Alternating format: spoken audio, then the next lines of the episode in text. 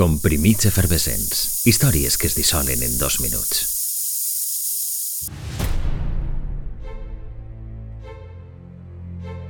Fou a Boston, en una premier tan exclusiva i especial com mereixia la cinta.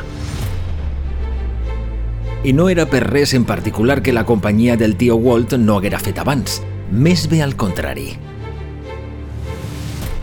La fàbrica d'animació per excel·lència apostava tota una carta. Un 15 de febrer s'estrenava la pel·lícula que salvaria Disney de la fallida econòmica. La Ventafocs.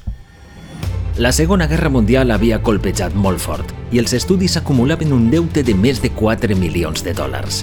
La Ventafocs, en la versió de Charles Perrault, era quasi una aposta desesperada. En la memòria de tots estava l'esplendor de Blancaneus i allí trobaren la clau de l'èxit, adaptant un clàssic i seguint fil per randa el model d'aquella vella glòria de la companyia. Per a fer-ho possible, Disney confia l'animació als que després serien coneguts com els Nou Vells, un grup de professionals veterans de l'època de la vella Dumbo que comandaren amb diligència cada aspecte de la producció. Vestirien la trama principal de secundaris de luxe, com ara els ratolins, la madrastra o la fada madrina, i deixarien que la màgia fera la resta. El joc de mans reportà a la companyia una recaptació de 7 milions de dòlars de l'època que posaria els fonaments de potser la dècada més brillant de la factoria Disney. Tres Oscars en portar la pel·lícula que començà a reflotar un imperi un 15 de febrer de 1950.